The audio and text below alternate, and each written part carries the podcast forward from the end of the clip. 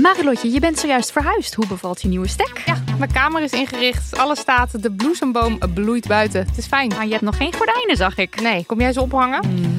Maar het ding is dus, desondanks alles slaap ik als een koningin dankzij mijn matras van Emma Sleep. Een prinses zonder ert ben jij. Al leg je een ert onder mijn matras, ik denk niet dat ik er last van heb, want het is een hemelsding. En dan heb ik ook nog mijn Emma Diamond Pillow. Jouw slaapkamer is een slaapparadijs. Wil jij dat nou ook? Ga naar emma-sleep.nl en daar vind je moederdag sale met kortingen die oplopen tot wel 50%.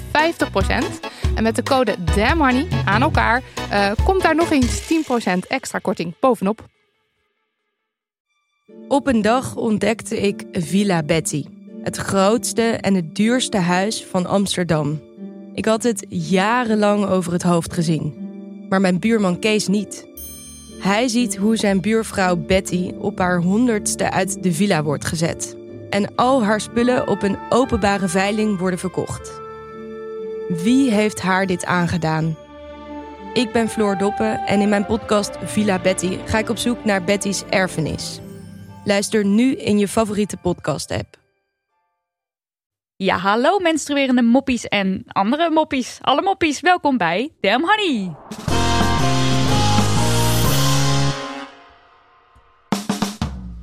De podcast over shit waar je als vrouw van deze tijd mee moet dealen. Mijn naam is Nidia. En ik ben Marilotte. En dit is aflevering 76. Vandaag duiken we headfirst in het onderwerp menstruatie en het hoe eromheen. Ja. We hebben twee gasten in de studio die er onlangs een boek over schreven. En dat boek heeft de heerlijke titel Ben je ongesteld of zo? Een zin die misschien iedereen hier aan tafel wel eens gehoord heeft. Ik wel? Ah, Zeker wel, ja. ja. Uh, nou, en los van dat ze schrijvers zijn, zijn ze ook nog podcastmakers en Insta-menstruatie-influencers. Het zijn de menstruatiemeisjes. Oftewel, Honorata van den Akker en Lieke Smets. Welkom! Dankjewel. Ja, hallo. Beste uh, intro. Ja, ja nou, wow. we zijn nog niet klaar zelf. Want dit is jullie samen. Dit is jullie samen. Kijk, jullie vinden dan menstruatie een bloedserieuze zaak. Jullie gaan de strijd aan uh, tegen period shaming. Maar nog even los van elkaar. Honorata, jij bent van de Creative Communication. En dat doe je met fotografie, kralen, illustreren. En ik las dat je een aquarium hebt van 112 liter. Dat je daar ook voor gebruikt. Of heb je dat niet? Ik heb het aquarium Volgens mij ben ik bang mee verhuisd inderdaad naar Berlijn. Omdat, niet? Ja, ik, uh, ik wist niet wat ik ermee moest doen. Toen dacht je dan maar mee naar Berlijn. Mee, ja. En een aquarium neem je mee. Ja. en Lieke, uh, los van dat je dus een menstruatie-imperium leidt, samen met Honorata dat wel, yes. uh, ben je communicatieadviseur. En ja. dat doe je bij de Nationale Jeugdraad. Ja. Dus... En wat doet een mens dan? Uh, nou, dan ben je een beetje expert in uh, jongerentaal. Dus ik zeg altijd, ja, ik ben dan spreken of vloeiend in beams, TikTok. Dat is echt klinkt als de droom ook. Wat een heerlijke baan. Dus ja. ook als ik bijvoorbeeld een keer een nieuwe afkorting of zo tegenkom waarvan ik denk, nou, dit is, ik ben hier te oud voor, dan zou jij in principe mijn go-to person moeten zijn. Ja, ik ken wel veel afkoos, maar niet allemaal. Afkoos, ja, ja. gaat wel. nice. Ik vind het hartstikke HDP. Heerly de Beerly. Oh shit, oh, die, die ken ik nog niet. Oh. nu kent iedereen. Ja, nu kent iedereen. Uh, straks alles over menstruatie. Maar eerst, hoe ging jij de feminist in? Nee. Oh, ik had wel echt een erge. We zaten heel even kort naar het weer te kijken, Daniel en ik. Dat doen we nooit, maar goed. En ik zei, oh mijn god, hoe oud is zij? En toen ging Daniel het opzoeken. En toen zei hij 34. Toen zei ik, ze kleedt zich echt als een 65-jarige. nou goed. Uh, de niet-feministische Nidia kwam keihard om de hoek ja. kijken. Ja, echt erg onaardig ook. En, en age-shaming. En, en wel, je mag niet zomaar wat aandoen. Het had het allemaal. En dan allemaal in twee zinnetjes. Ja. Ongelooflijk. Marilot. ja, ik had uh, eigenlijk ook wel een erge, vind ik. We hadden het uh, met, uh, met Anne hier van Dag en Nacht Media over kleding. En we hadden het over, eerst in eerste instantie over broekpakken volgens mij. Jij Anne is een man. Anne is een man. Ja. ja Anne is een man, even voor de goede orde. en we hadden het over broekpakken. En hij vroeg, nou ja, broekpakken, mannen en vrouwen. Is het voor mannen en vrouwen? En hoe heet dat dan? En wat is dan een boiler suit? En, ja, en toen zaten we zo een beetje zo al die soorten broek, broekpak, broekpakken af te gaan. En toen zei Nidia op een gegeven moment, ja, en je hebt ook playsuits. En toen zei ik, ja, die zijn voor vrouwen. Ah. dus ik ging erg mee in het hele narratief. Er is mannenkleding en er is vrouwenkleding. Terwijl ik dat haar daar helemaal niet mee eens ben. Lieke. Ja, uh, mijn feminist is uh, van vorige week, denk ik. Uh, ik speel volleybal bij een studentenvereniging. Ik ben geen student, dus tegen niemand verder vertellen. Ik weet niet echt of dit dan helpt in een podcast, maar is goed. Ja.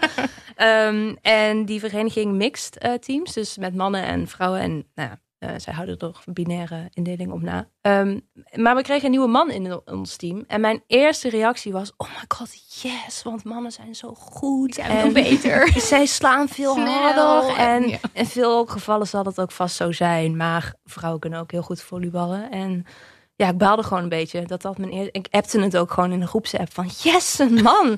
Toen dacht ik, oh, moet dit, heb je nu gaan verwijderen? Maar dat ziet dan ook iedereen. Dus ehm, Dit bericht is verwijderd. ja, Lieke was het. niks. niet eens met zichzelf achteraf. Ja, dus dat was mijn feminist. Ja, goeie. Honorata. Ik ga terug naar de kleren. Ehm, ik was me aan het aankleden vanochtend. En ik dacht, nou, als ik mijn padded bra aandoe, dan ziet dat er allemaal wel wat, nou, Meer opgefluft uit. ja, en gewoon een beetje anoniem, weet je wel, zo. En toen dacht ik, nou, ik ga niet, en die, oh ja, die zit niet lekker, krijg ik het benauwd, kan ik niet goed praten. Ik dacht, nou, ik ga niet naar Damn Honey met een BH die niet lekker zit, eh, zitten. Dus ik heb lekker de padded bra thuis gelaten. En Fijn. ja, dus ben Ja. ik net niet, bent er bijna net soort niet van, ingetrapt. ja, net niet de mist. in. Maar je moest heel even de denkgrap ja, maken. zat er wel even. Ja, ja, ja. en nu ben je braless. Nou, dat nog net niet. Oké. Bijna brawlers. Ja, Heerlijk. volgende keer. Tijd voor ja. post. Tijd voor post. Post. Post, post, post. Eh, eerst een leuk bericht van Debbie. En haar bericht past helemaal HDP, Heerly de Peerly, in het menstruatiestraatje van, van vandaag. Het begint zo. Hey Nidia en Marilotte. Wat zijn jullie toch tof? Oh, hallo. Merci voor alle inspiratie die jullie de wereld inslingeren. Ik kreeg de nieuwsbrief van het maandverband en tamponmerk Joni en las daarin het woord schaamlippen. Voor de zoveelste keer dacht ik, niks om je voor te schamen. Vulva lippen vind ik veel mooier. Dus waagde ik er een mailtje aan en ik kreeg een hele positieve reactie van ze. Love it. En ik dacht, jullie loven dit vast ook, dus ik wilde het even delen en bij deze even jubelen in jullie mailbox. Veel vrolijks van Debbie. En eh, ik heb het bericht hieronder geplakt. En Ioni heeft op het bericht van Debbie teruggestuurd. Hoi Debbie, dankjewel voor je bericht. En mij lijkt het een heel goed idee. Dus om eh, in plaats van schaamlippen vulva-lippen te gaan gebruiken. Inderdaad is er niets om je voor te schamen. We gaan het zeker meenemen in onze volgende vergadering. Dankjewel voor de tip. Have a bloody good day. Merci, team Joni. Ja, lekker Leuk. bezig. Ja, Ik vind het en, echt een victory hoor. Ik vind het echt heel leuk. eh, dankzij Ellen Laan ook een beetje. Want die had een tweet ja. er ook over geplaatst. Love Sowieso Ellen Laan. weet ik het woord vulva-lippen ken ik door Ellen Laan. Ik vind het ook zo'n mooi woord. Wij weten alles dankzij Ellen Laan. Alles, alles. Ellen Laan bestonden wij niet. In this general area. Oké, het poststuk. Mhm. Dag lieve mensen plus lieve gasten. Ik heb een wanhopige vraag die gepaard gaat met een heel apart verhaal. Ik kamp al een jaar of tien met extreme buik- en rugkrampen tijdens mijn menstruatie. Toen ik het voor het eerst kreeg, was ik. Toen ik eh, voor het eerst werd, sorry, toen ik voor het eerst menstrueerde, was ik 11 jaar oud en mijn huisarts heeft me destijds direct aan de pil gezet. Ik wist eigenlijk niks over de pil en dacht dat dit de normaalste zaak van de wereld was. Mijn pijn was wel wat minder, maar het was nog steeds heel erg aanwezig. Zes maanden geleden ben ik gestopt met de pil slikken en kon ik eindelijk mijn cyclus gaan tracken. Ik had nog steeds walgelijk veel pijn en besloot naar de gynaecoloog te gaan. De echo was goed. Er werd mij aangeraden om gewoon even wat rust te nemen. Er staan allemaal vraagtekens tussen haakjes achter deze zin. En dan uiteindelijk weer over te stappen naar andere anticonceptie. Maar dat wil ik helemaal niet. Een paar maanden later ging ik weer naar de gynaecoloog, want wat moet ik hiermee? Ik wil gewoon weten wat er gaande is met mijn lichaam. De gynaecoloog in kwestie vertelde mij dat ik alleen in aanmerking zou komen voor een traject waarbij onderzocht wordt of er sprake is van endometriose en of het eventueel verwijderd kan worden als ik kinderen zou willen. Heel veel vraagtekens en uitroeptekens achter deze zin. Voor nu zou ik, het gewoon, zou ik het gewoon met hele zware pijnstillers moeten doen en het echt moeten overwegen om gewoon een spiraal te nemen. Ook vroeg ze met droge ogen waarom ik niet weer zou willen beginnen met de pil. Ik zat daar te koken van woede en wilde eigenlijk huilen. Dus ik word pas geholpen als ik kinderen ga baren. En daarvoor moet ik het maar doen met morfinepillen die mijn maag naar de kloten helpen? Zo bizar. Mijn vraag is: hebben jullie of jullie volgers tips voor mij om ervoor te zorgen dat ik geholpen word door iemand met verstand van zaken? Ik weet echt even niet meer wat ik moet. Het enige wat ik wel weet is dat ik iedere maand zeker twee dagen op handen en knieën door het leven moet gaan, omdat dat de meest chille houding is.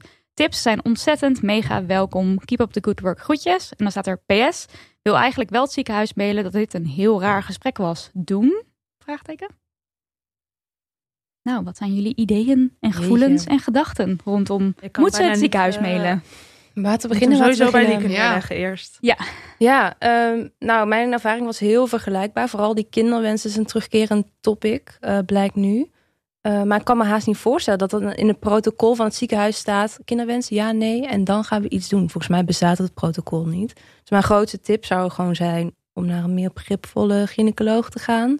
eh, die te zoeken. Ze zijn er heus. Ehm, en En het is Ja. ontzettend rot dat ze hierdoor... Ik ga ervan uit dat het een zij is. Mhm, het is Ja, een zij, ja. ja. Het is ontzettend rot dat ze hier doorheen moet gaan. Het is zo erg dat je, op je zo erg op je streep moet gaan staan ja. voordat je hulp krijgt. En helaas hebben wij dus ook niet een pasklaar antwoord hiervoor. Behalve gewoon wisselen, doorvragen.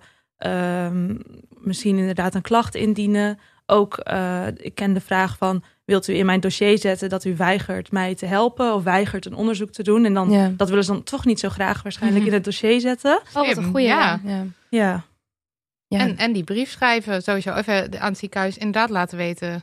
Dit is niet oké. nee. Maar dat die kinderwens, want daar schrok ik echt heel erg van. Dus, want zeg maar het hele stuk dat de, dat de gynaecoloog zegt eh, met droge ogen, zoals dan de brievenschrijver schrijft, van Mm. zal je niet weer aan de pil gaan? Daar kan ik dus heel goed inkomen. Want die gynaecoloog die denkt, hiervoor had je pijn, maar ging het oké is? Nu niet, waarom ga je niet gewoon aan de pil? Dat is, als vanuit arts kan ik dat me heel goed indenken. Al hebben wij ook geleerd dat endometriose gewoon onderdrukt Mhm. wordt ermee, dat het niet gefixt wordt ermee. Dus het, het is niet slim om te doen. Maar goed, ik snap wel een soort van desperate times, eh, desperate measures of zo, dan weet je wel. Ja, en ik kan er gewoon in dus komen daar, dat... dat... snap ik wel, dat die gynaecoloog dat in eerste instantie aanbiedt. Ook al is de brievenschrijver zo van, ik wil dat niet. En dat is ook je goed recht om dan te zeggen, nee, dat wil ik niet. Maar het, het klinkt ook alsof je, zeg maar, je kan aan de pil toch. En dan, dan betekent het dus nog niet dat endometriose opgelost is. Dus waarom gaat dat traject dan niet alsnog door? Ja, dat snap ik ook Dat niet. begrijp ik niet. Maar dat die kinderwenser dus met de haren bijgesleept wordt. Ja. Ja. En ze heeft weet nog niet eens of ze maken? endometriose heeft. Dus Nee, het traject nee. is nog niet eens Klopt. gestart. Klopt, er is Ehm, gewoon nog niks bekend eigenlijk waar deze pijn vandaan komt. Nee. Ik vind het echt de omgekeerde wereld. Wij zeggen altijd, het zou fijn zijn als het gewoon een keer actief wordt uitgesloten. In plaats van, nou, pil, oplossing. Of kom maar weer terug als het erger wordt of zo. Ja, Ehm, ja, het zou gewoon veel eerlijker zijn. Want je hebt gewoon recht op, eh, op te weten wat er met je lichaam aan de hand is. Ongeacht of je kinderen ja, wilt. want nou Ja. lijkt het net alsof je een soort baarmachine bent. En als Ja. dat zeg maar dat dat het enige is wat ertoe doet. Ja. Is- Bizar. ja. Ja, wij maken altijd het sommetje dat je gemiddeld krijg je 1,7 kind. Of mensen met een baarmoedervrouw krijgen 1,7 kind. En dan vallen er 15 menstruatiecyclussen af. En dan hou je er 485 over, waarin je dus wel menstrueert, maar geen kinderen baart. Maar die 15 vinden we echt super belangrijk. belangrijk, En ja. die 485 gaan we niet meer over Ah, hebben. Nee, Nee, ja, dat er eh, neem je maar voor lief. Ja. Ja. En, eh, want Lieke, jij, jij hebt last van menstruatiepijn. We gaan het daar ongetwijfeld zo ook nog over hebben hoor. Maar Ja. hoe heb jij dat dan aangepakt? Ehm, nou, op aanraden van Honorata, want ik, ehm, ja, ik ben ook opgegroeid met dat menstruatietaboe. Dus ik had helemaal geïnternaliseerd van, ah, dat hoort erbij. Paracetamol, ibuprofen. Mhm. Precies. nou, op eh, streng doch eh, rechtvaardig aandring van Honorata heb ik de huisarts gebeld. Want ja, ik ben toch menstruatiemeisje of je bent het niet. Ja, En dat eh, ging niet heel soepel, want zij zei ook, eh haar eerste reactie was, oh, dan gaan we naar een pil, weet je wel. Dan ben je tenminste van de pijn af. Mhm. En toen vroeg ik zelf, maar toen heb ik zelf het begrip endometriose geïntroduceerd. Van wellicht is dit aan de hand. wat volgens mij de taak van de huisarts Zo is. raar, zo raar. Ja, eh, dus dat, eh, ja, min 1. Dus dat stond mijn huisarts al op op dat Ja. moment. Eh, en toen vroeg ze of ik een kinderwens had. Toen zei ik nee, maar als ik het heb, wil ik het graag weten. Maar toen heeft het zo geturnd dat ik toch maar met, op mijn verwijsbrief staat letterlijk in verband met kinderwens graag onderzoeken of, wauw. of ze endometriose heeft. Ik heb helemaal Oh geen kinderwens. Maar goed, ja, ik kwam dus bij de gynaecoloog eh, terecht bij mijn zogenaamde kinderwens. Ehm, en toen kreeg ik een inwendige echo, maar daarop was niks te zien. Eh, en ze zei ook van, ja, kan u niet uitsluiten dat je geen endometriose hebt, maar het wijst er gewoon niet op. Nou, die hele experience was echt veel voor mij, want ik mm, zat mezelf heel erg te pushen om daar zoveel mogelijk uit te halen. En ik had hele hoge verwachtingen, dus het was gewoon much. En toen was ik op zich wel tevreden met dat antwoord op dat moment, naar huis gegaan. Maar nu weet ik nog steeds niet of ik, zeg Nee. maar... Je hebt geen antwoord gekregen. Nee. Zelfs als En- menstruatiemeisje niet. Nee, Nee.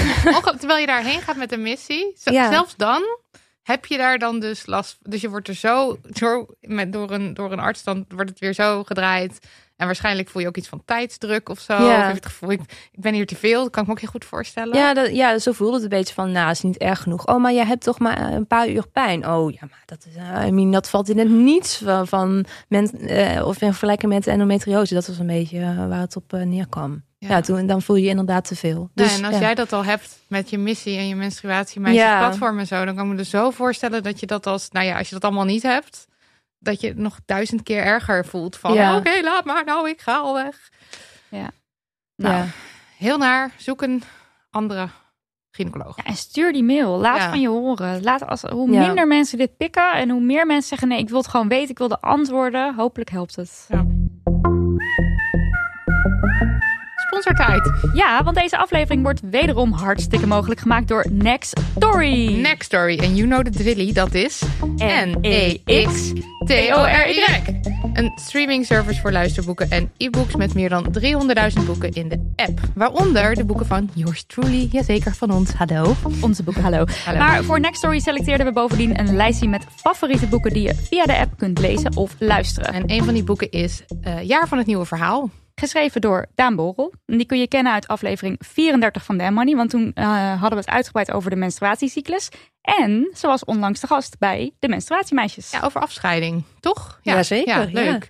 Eh, jaar van het nieuwe verhaal sluit erg goed aan bij het onderwerp van vandaag. Want de hoofdpersoon blikt terug op het jaar na haar relatiebreuk. En dat combineert ze met het minutieuze bijhouden van haar menstruatiecyclus. Een maand lang. En ze bekijkt hoe ze zich voelt, gedraagt, denkt, vrijt, masturbeert, discussieert. En ze onderzoekt dan in hoeverre haar cyclus haar verhaal bepaalt en omgekeerd. Het boek gaat over alles waar wij ook graag over praten eigenlijk. Dus menstruatie, je cyclus, masturberen, eenzaam zijn, verliefd zijn, geil zijn, in therapie zijn, hormonen, alles. Ja, het is een perfect boek om meteen maar mee door te rollen als je klaar bent met deze aflevering. Dat kan gratis en voor niks, want je kunt gebruik maken van de 50 dagen durende gratis trial. Ga daarvoor naar nextstory.nl slash dam en vul de vouchercode HONEY50 in. En je kunt opzeggen wanneer je wil. N-E-X T-O-R-Y. Allemaal! N-E-X T-O-R-Y.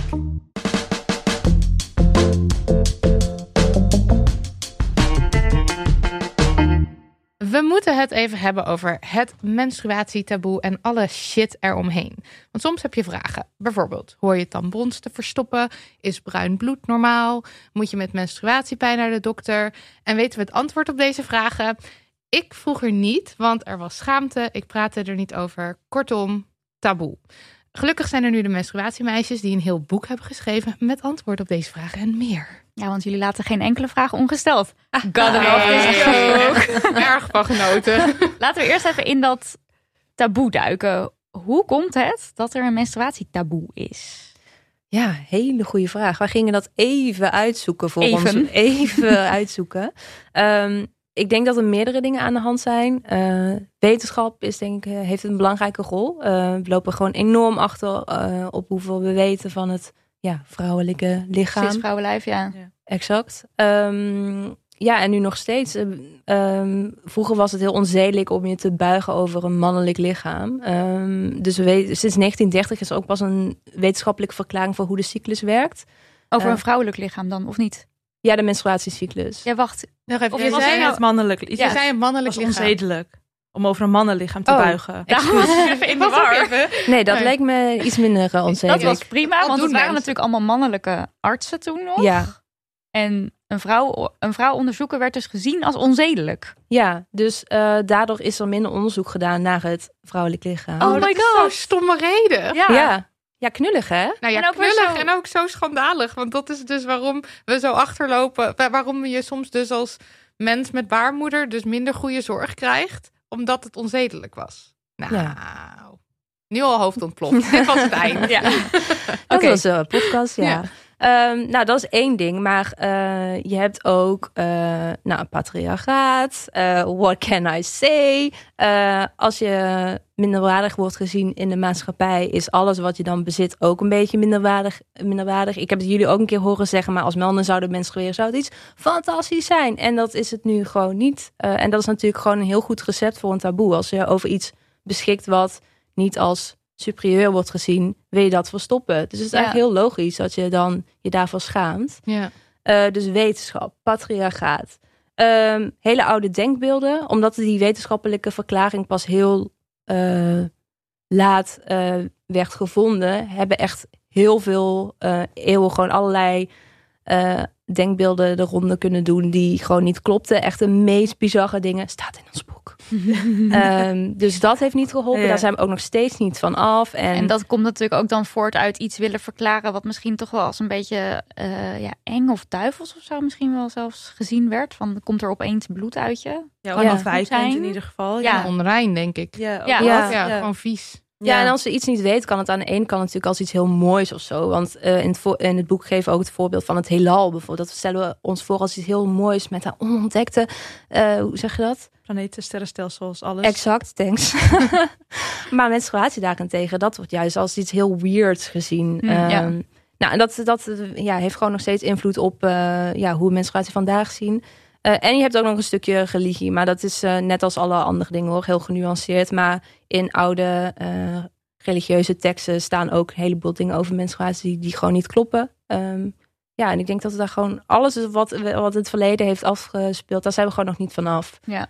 Ja. Ehm, en als we nu eens gewoon meer onderzoek hadden, dan hadden we gewoon allemaal kunnen zeggen: oké, klopt niet, weg ermee. Maar dat, daar ontbreekt het gewoon nog aan. Ja. En waaruit blijkt dat er een taboe is? Ja, goede vraag. Ehm, want dat krijgen Deze we vraag krijgen we zo, zo, vaak. vaak. Ja. Van, oh, maar het is toch niet meer zo erg? Kijk, we praten veel makkelijker over menstruatie tegenwoordig. Maar dat gaat een beetje voorbij aan al die gevolgen die nog steeds bes- bestaan. Eh, gemiddelde diagnose voor PMD duurt 12 jaar. Ja. endometriose 7 of 8 jaar. Eh, je wordt er nog steeds de sociale contexten gewoon mee geconfronteerd. Ben je ongesteld of zo, is daar het perfecte voorbeeld Mhm. van. Menstruatiearmoede, vindt maar geen urgen- urgentie in Den Haag om dat op te lossen. Dus het taboe is er gewoon. Anders was er wel urgentie om dat gewoon van tafel te vegen. Ja, Ja. soms zijn de voorbeelden ook heel klein. Zo hadden wij de boekpresentatie en zag ik alsnog iemand een tampon soort van via de rugzak langs het been de, de rugzak inglijden. boekpresentatie. Ja. Ja, dat- ja, dat is dan gewoon, eh, dat zit er gewoon nog, dat Ja. taboe. En, Ja. en nou, diegene had het boek nog niet gelezen, want het was dan net uit. Maar eh, Ja. hopelijk aan het eind van het boek. Oh, nu moet ik ook, aan het publiek eruit. Ja. Ja, nu moet ik ook denken aan die boekpresentatie van ons toen. Bij eh, Feministen dragen geen roze. Toen ik een enorme PMS-aanval had en ik was ongesteld. En toen heb ik ook eerst zo van dat ik dacht: niet huilen, niet huilen, niet huilen, niet huilen. Mm. En toen daarna zo omarmd van: we zijn hier toch ook gewoon met allemaal feministen. En dit moet toch ook gewoon kunnen. Toen ik daar jankend mijn boeken staan signeren. Ah. Maar dat was ook zoiets waar je echt even zo'n drempeltje over moet. Omdat je zoveel zo hebt geïnternaliseerd dat je je ervoor moet schamen of zo.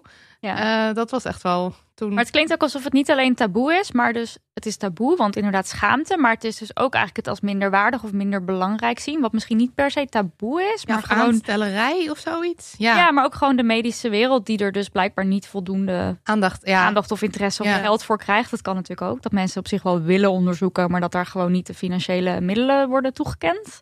Ja, er wordt nu wel know. gewoon heel veel gekopt. Menstruatie staat heel vaak nu in de krantentitels, maar er gebeurt niks. Dus dat is Oh, ja. zo actie leidt niet per se tot aandacht. Ik weet niet of Lieke dat nou net wel of zei of niet. Dat is onze nieuwe slogan Hmm. eh, bij deze vraag. Maar, Aandacht le- leidt niet alleen tot actie. ah, goedemorgen. Ja, gaat goed hier. Dankjewel. ja, je kan wel aandacht blijven vragen, maar als er niks gebeurt dan... Ja, en dan kunnen we zeggen, oh, er wordt nu al zoveel over gepraat. Ja, maar dat is niet genoeg. We hebben Nee. meer nodig dan dat. En we hebben er jarenlang niet over gepraat. Dus we gaan even een beetje compenseren. Sorry. Ja.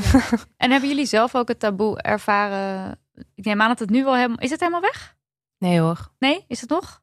Ja. Ja, maar ja, ik bij- schaam me nu ik- bijna hiervoor. Maar Nee, nee, Ja. dat is... Ja, nee, dat is Ja, natuurlijk je goed recht om je Ja. wel gewoon nog eh eronder... Kijk, schaamte rationeel kan ik denken, ik zou dat niet moeten doen, bepaalde Ja. dingen. Maar ehm, ik ben ook pas een jaar menstruatiemeisje. Dus soms is, is, gaat dat gewoon niet zo makkelijk. Tuurlijk. Dus over de- dat hele doktersverhaal, oh, dat was zo'n stap. Daar heb ik zo lang over Mhm. gedaan. Oh, dat is nog niet eens zo lang geleden dan dus. Nee. Nee. Ehm, maar dat komt natuurlijk omdat ik tien jaar tegen mezelf heb gezegd van, sta je niet zo aan, paracetamol. Ja. Dus, ehm, Zie dat er maar weer uit te krijgen. dan. En is het wel makkelijker, zeg maar, nu je het platform hebt, dat je dan jezelf makkelijker dan Ja, dat je voor dat... mij is het best makkelijk. Ik was altijd al een beetje zo'n mevrouw. Oh, dit is niet eerlijk, dit is niet goed, zo gaan we het Hmm. niet doen. Dus die rol past mij, of het gaat gewoon heel makkelijk bij mij. Dus ik heb het niet zo erg meer.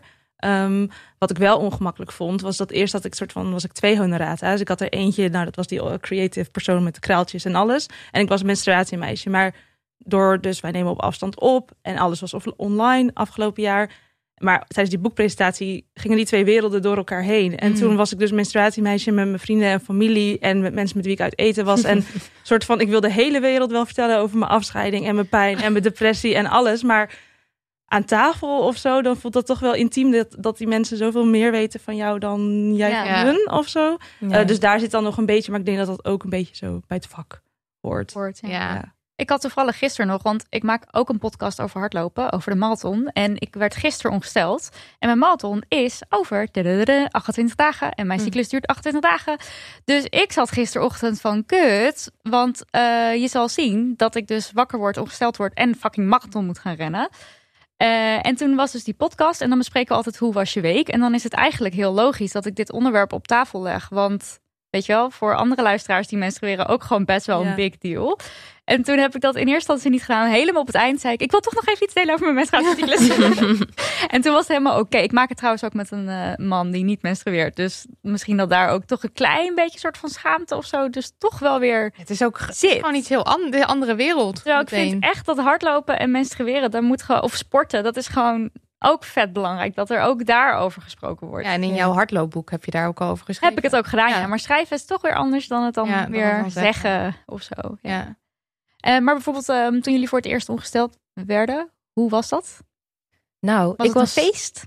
Ik was, ja, niet als in er werd taart gehaald. Bij jou Zoals wel, bij mij. Ja, wel. wilde, wilde taart, maar ik kreeg geen taart. Dat was heel, ja. Eh, maar ik was wel heel blij dat ik het was geworden. Want in vergelijking met de andere menstruerende klasgenootjes was ik iets later. Volgens mij was ik 13. Dus dan zit je in een brugklas en dat is een hele gemiddelde leeftijd. Maar ehm, eerst wilde niemand het worden, want dan is dat iets engs, iets nieuws. En dan wil je niet de eerste zijn. En toen waren op een gegeven moment twee klasgenootjes ongesteld. En toen was het het nieuwe statussymbool. Was het ineens super cool. En als het dan nog niet was, dan was Liep je zo achter. liep je achter. Ja, en ze ontwikkelden ook zo'n inside joke met elkaar, omdat coole mensen die hebben met elkaar. En dan was het altijd van, ik zie bloed. En dan was er geen bloed. En dat was gewoon heel vervelend. Dus dan, Maar wacht, als er dan dus wel bloed was geweest, was dat dus eigenlijk iets cools geweest? Ehm, nou, ze deden het niet voor de klasgenoten zonder baarmoeder. Dat, dat ehm, niet. Sorry, wat was je vraag? Het was dus om Nou, een meisje te, of het was dus om andere klasgenootjes te overtuigen. Oh, jij bent het nu ook geworden. En Ja, dat ja, was ja. heel fijn. Maar Ja, precies, was, maar het was was geen echt bloed bij betrokken. Nee, nee, nee. Nee. Maar, maar, maar stel, iemand was dus wel ongesteld. eh, Ik denk dat het Dan daadwerkelijke was het dus zien van het dat klinkt- bloed niet, niet iets is wat cool is dan. Oké, Dus maar ik bedoel eigenlijk idee. meer zo, want wat jij nu vertelt klinkt dus eigenlijk alsof jullie het er onderling wel over hadden en dat het dus iets tofs was. Dus bij mij werd er dus juist helemaal niks over gezegd. Ik Oh, werd op mijn ja. 14 ongesteld, dat is blijkbaar best wel aan de late kant. I Mhm. didn't know. Ik wist van geen enkele vriendin dat die ongesteld was, werd niet over gesproken, Hm. was ook niet cool, was niet iets om Ik erbij werd- te horen of whatever. Ik werd alleen maar bang gemaakt toen door mijn klasgenoten. Oh, ik wilde zo dan graag. stroomt het bloed langs je been. Ik wilde echt niet. Oh, ik wilde zo graag. Ik was vroeger leerling. En dan ben je altijd zo de laatste met alles. Oh ja. Met de jongens en de borsten en de menstruatie en zo. Ja. Eh, dus ik kon echt niet wachten. En ik had het ook heel... Ik, ik, ik heb de geestelijke klachten van de menstruatie. Maar lichamelijk heb ik het altijd heel makkelijk gehad. Tampon kon meteen erin. Ben alleen eh, maandverbanden paste niet. Ik was nogal een klein meisje. Zo een waar je de, de tas over het hoofd heen kan gooien. Oh, hey, ja. Dan ben je heel Heel klein als dat kan. Eh, dus Oh, maar die waren te groot. Ja, te, groot, dat paste. Dat, ja, de, de breedte, dat vouwde 38 keer accordeon dubbel. Nou, dit dan zijn, oké, Ja? dit is dan eventjes een theorie. Ik heb ook verteld in jullie boek dat mijn, mens, dat mijn ehm, maandverband een keer omhoog is geschoven tijdens een avondje bolen. En iedereen reageert er altijd op van, en hoe kan dat dan? En dat kan niet. Maar was dat dan niet gewoon omdat ik nog gewoon een hele kleine meid was? Zou kunnen dan. En dat het gewoon dus niet paste? Ik denk dat dat kan. Dat het dan, dan plakt het ook niet goed vast, toch? Ja. Als het zo krap is. Ja. Nou, hebben we dat ook Ja. eindelijk eens een keer op. Ik kan het me opeens ook wel voorstellen, omdat dan die vleugeltjes dan zo ook aan elkaar plakken, maar niet aan je, goed aan je onderbroek. En dan schuift het zo. ja. Hmm. Ik kan me opeens voorstellen. En ik kon dat niet, want ik heb er la- jou lang over Ik nagedacht het. hoe dit dan gebeurde. Maar goed, ja, als je dus klein bent. Ja, hé, maar dat is interessant. Bestaat er tegenwoordig iets van voor kleine mensen? ja, volgens mij niet. Ik gebruik dus inlegkruisjes. Maar dat Ja. kan alleen omdat ik dus niet heel veel bloed. Anders dan... Of ja, ik gebruik cup met... En dan op de latere dagen inlegkruisjes. Ja. Oké, Maar dat is wel als je een verbonden klein- met die kleine hoeveelheid bloed. Dus Ja. als je veel bloed, dan... eh, nou, Joni, toch even weer bellen. Ja, maar ja, ik, ik zit echt nu te denken aan gewoon echt jonge mensen nog die op de basisschool eh, die, die want zo, ik was wel klein, maar goed, niet zo klein als een eh, elfjarige zeg maar. Nee. Ik vind het opeens heel raar dat daar niks voor bestaat. Ik Ja. vind het ook opeens heel raar. Je hebt wel heel Hoe kleine kan dat tampons, nou? maar geen Ja. kleine maandverbandjes volgens Nee. mij. Nou, Ja, de- markt. Nou, Nou echt, ik denk het wel. begin ermee zo snel We mogelijk. kijken Ja. ook allemaal heel geschokt elkaar aan. Zo van, Ja, Ja. dat en dat van dat onzedelijke. En nu Ja. ben ik gewoon weer helemaal boos. Eh, Oké, maar het was dus voor jou ook wel iets, iets leuks. Dus toen het uiteindelijk gebeurde. Ja, ja. En toen was je blij. ja, ik vond het helemaal prima. En jij was ook blij. Ja, ik, ik voelde me extreem cool toen ik het was. Dus ja, ik was ook blij. Ja. Grappig. Toch wel een beetje menstruatiemeisjes. Ja. Ja, wel al een beetje, ja. En die schaamte die kwam dan later, of, of die was er wel eigenlijk, die kwam tegelijkertijd met de blijheid. Ja, ja, absoluut. Mijn moeder ging ook, ehm, ik riep dan, mam, ik ben ongesteld geworden. En toen ging ze eh, mijn eerste maandverband ook uit haar kast halen. Maar mijn moeder gebruikte die kast voor geheime dingen. Dus daar lagen Sinterklaas cadeautjes. Maar er lag dus blijkbaar ook Oh maandverband. Dus dat gaf heel erg naar mij het signaal van, oh, dit is iets geheims. Ja, ja, ja. Oh my Eh, god, dit was bij ons ook. Dit heb ik nog nooit over nagedacht. Maar dat was ook in de, in de, in de, in de kast met, met de cadeautjes waar ik niet in... Waar ik niet echt De kast waar je niet mag komen, daar liggen de menstruatieproducten. Ja, nee, en uiteindelijk kreeg ik dus zelf. Mhm. En dan hoef ik daar niet meer heen. Maar dat was wel aan het begin volgens mij. Ja, Ja. ja ik associeer dat daar ook mee. Ja. Wat grappig. Bij mij werd het ook wel verplaatst, maar dan was het naar een andere lade in de badkamer waar mijn broer en vader dan nooit in keken. Dus dat, ja, Nog steeds een geheime la. nog steeds hartstikke geheim. Ja, helaas. Ja, niet gewoon out in the open. Nope. Ik durfde het dus niet eens te vertellen thuis. Ik had het echt eventjes uitgesteld om het te vertellen. En toen heb ik het uiteindelijk wel verteld. Want het is wel handig als je Het moet wel. menstruatieproducten wil hebben. Ja. Ja. ja, maar moet je nagaan hoe diep dat dan bij mij zat. Die schaamte. Ja. Ja. dan heb je ook niet de, de talk gehad. De menstruatie talk. soort van, Voordat ik het gaat werd, komen als je het nodig hebt. Zijn hier producten. Misschien vind je dit Ik fijn. kan me dat eigenlijk niet zo goed herinneren, maar ik kom uit een huishouden met een zus en een moeder. De- En daar, dat was wel gewoon onderdeel van, het was niet geheim of zo. En mijn moeder die was ook wel, oh, hoofdpijn, ongesteld. Dus dat was, het was er wel gewoon, maar ik wilde dat gewoon niet. Ja.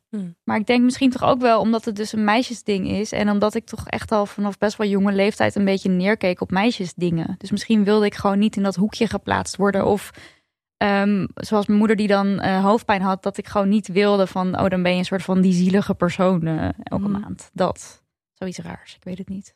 Maar jij had dus neg ja, ne- negatieve gevoelens, positief, positief. En ik weet gewoon niet meer wanneer ik voor het eerst nog gesteld werd. Ik weet, kan me gewoon niet herinneren. Terwijl mijn hele leven in, in het teken staat van.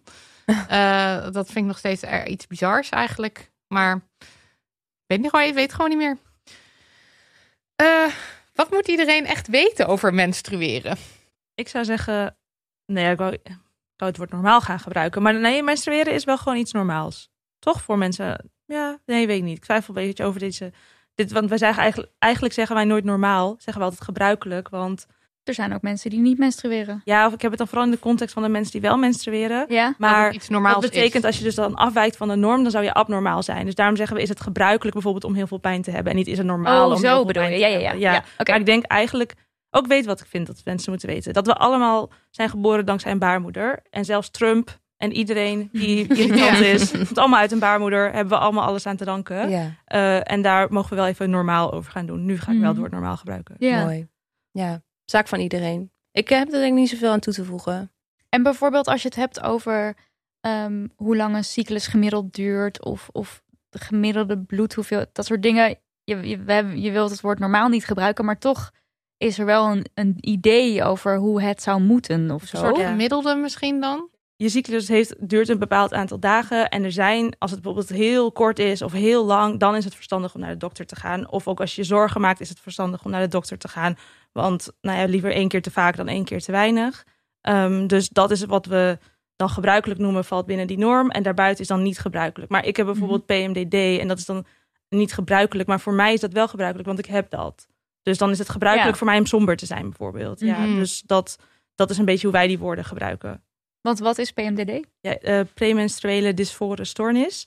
Ehm, en dat betekent eigenlijk, eh, het is een soort, soort PMS, maar dan keer 100. Ehm, en dan reageer je heel sterk op de hormoonschommelingen. En ik raak bijvoorbeeld, ik voel me twee weken per cyclus echt best wel kut. Mhm. Eh, waarvan zes, zeven dagen echt depressief, somber. De zwartste gedachten die je maar ongeveer kan bedenken. Mhm. Ehm, ja, dat is, dat is wat voor mij PMDD is. En er hangen allemaal kleine dingen mee samen.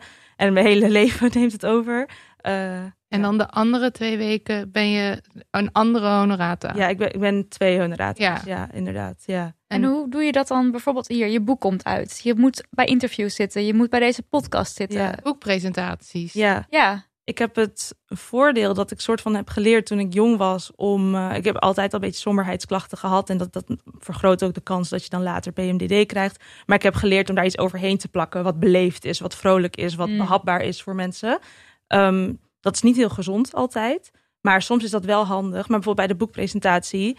Toen zat ik op mijn allereerste dag van mijn PMDD. Had ik het heel zwaar. Maar ik wilde het ook niet benoemen. Want dan gaat iedereen opletten waar ik tekort schiet en wat ik niet goed doe. Anders naar je Mm. kijken. Ja, dus ik dacht, ik benoem het niet. Maar toen de, de livestream zeg maar dicht ging, toen heb ik het wel tegen de mensen daar gezegd van, oh trouwens, toen werd ik een beetje emotioneel van Ja. ja. PMDD. En dan, dan, het is niet dat ik me ervoor schaam, maar mensen gaan wel invullen. Terwijl misschien als ik me bijvoorbeeld verspreek, dan zou ik dat misschien ook gehad hebben buiten mijn PMDD. Maar dan denk je, oh, is het de PMDD? Hmm. Of Ja. als je als last hebt van je cyclus. Dat is natuurlijk niet de bedoeling. En hoe kwam je erachter dat je dit hebt? Mm, Of dit al- label, zeg maar. Ja, dat ik je was, het hebt, eh, daar wist je natuurlijk wel. Ja, ik was eh, sowieso al in therapie en ik was eigenlijk uitbehandeld en ik zou beter zijn. Eh, maar het kwam steeds terug. Dus eh, elke zoveel weken was ik weer somber en dan dacht ik, wat is hier nou aan de hand? Ging ik weer al die technieken toepassen, werd het weer wat beter. Maar de psycholoog zei, je bent klaar. Je hebt alle handvatten. Ik dacht, ja, maar hallo, ik voel me helemaal niet goed. En toen zei Mhm. hij, heb je wel eens gekeken of het samenhangt met je cyclus? En toen wist ik het gelijk. Toen ben ik naar haar, ik heb een soort van nog op straat staan googelen, PMDD. Toen heb ik thuis aan mijn vriend gevraagd. Ik ben een beetje een soort mini-wetenschapper. Ga ik altijd. eh, nou, Erwin, ik heb zijn naam nog nooit gezegd. Dit is een primeur, maar. eh, Erwin, hoe vaak ben ik somber? Hoeveel dagen duurt dat dan? En hij zou nou elke drie, vier weken. En dat duurt dan nou, vijf, zes dagen, zoiets. En toen, dat was dus precies ook hoe lang mijn cyclus. eh, Maar die link had je zelf dus niet gelegd. Dus dat was niet voor de, arts- psycholoog. Ja, nee, nee, eh, ja. was ook een man, zeg maar. Dus dat wil ik even, even Nou, shout-out. kleine. ja, dan. inderdaad. ehm, zonder hem had ik het misschien niet geweten. En gemiddeld duurde het 12 jaar Mhm. voordat mensen gediagnosticeerd worden. En je wordt ook vaak pas later of het begint pas later te spelen. Vaak een beetje eind puberteit. Er zijn niet echt data over, maar wat ik lees op internet van mensen komt het wat later op gang. Mhm. Ehm, maar dat betekent dat ik echt heel vroeg gediagnosticeerd ben vergeleken met andere mensen. Dat is echt een enorm geluk geweest. Want hoe oud was je? Eh, ik denk dat ik dit label nu drie jaar, twee, drie jaar heb. Maar dan ben ik dus, Oud ja, ik ben nu 27, dus ja. 25. Maar oké, ja, dus dat is aan ja, de jonge kant vergeleken met de Ik denk het wel, ja. mensen. ja. Ja. 12 jaar is echt Ja, want zijn mensen van belachelijk 40 of eh, weet ik hoe oud. Ja, je moet nog wel een cyclus hebben, want je reageert op die hormoonschommelingen. Dus in de menopauze, als het goed is, ben je er dan enigszins vanaf. Mhm. Ehm maar ja, En kan je er iets aan doen? Ehm, er zijn allerlei dingen die je kan doen, maar dat, dat kan bijna gewoon een dagtaak worden van sport en voeding. Je weet wel al die standaardadviezen die al voor heel veel Ja, dingen goed soort zijn. self-care ding. ja, en eh, rust nemen en je leven stabiel inrichten, dat soort dingen. Maar eh, er, zijn, er is niet een medicijn of iets wat ik eh, kan doen. En ik, soms krijg ik wel van die berichtjes. Maar ja, En, en zijn, zeg maar, heeft de diagnose voor jou wel uitgemaakt? Dus is het prettig om de diagnose te hebben? Ontzettend. Ja? Ja, ik word er een beetje Emotioneel emotioneel van. Ja. van, ja. Maar dat is zo. eh, ik, ik, eh, in die tijd, Lieke en ik waren collega's voordat we menstruatiemeisjes waren. En eh, dat is in de tijd ook dat ik die diagnose kreeg. Mhm. En eh, dat was eh, zo fijn om te weten. En dan kon ik ook, ik heb best een stabiele cyclus. Dus ik kon ook weten wanneer dan die dipjes komen. Dan ga ik dan niet mijn verjaardag inplannen of dat soort dingen. Ehm, maar er was zo weinig informatie. Je weet wel één artikel op Vice, eentje daar. En echt zo, oké, nu heb ik één ervaring van 500 woorden van iemand gelezen, maar er was niks.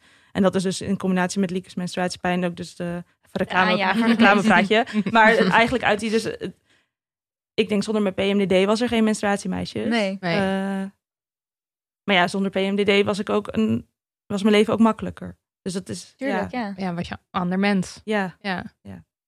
En bij jou de menstruatiepijn, kan je dat omschrijven? Hoe dat eh, voelt of hoe dat is? Ehm, ja, nou, ik weet, ehm, zeg maar, theoretisch dat mijn baarmoeder dan aan het samentrekken is. Maar hoe dat, het, ja, het voelt niet. Ik denk niet, oh, mijn baarmoeder trekt nu samen. Het is gewoon een hele heftige, stekende pijn. eh, waarmee ik niet kan staan. Ehm, of nou, ik kan wel staan, maar dan word ik heel misselijk.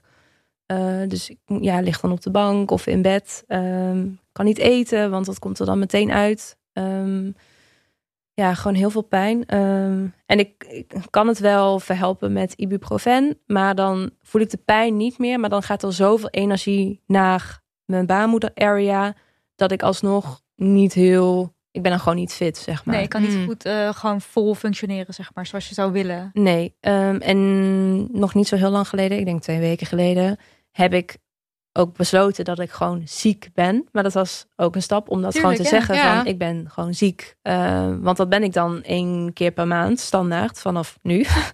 Eh, of één of twee dagen. Ehm, maar ja, ik ben gewoon echt ziek. Ik, ik kan, en als ik geen ibuprofen slik, nou dan eh, denk ik, ik moet nu 112 bellen. Ehm, overigens nog nooit gedaan. Ehm, Maar Ja. zo heftig is het wel. ja.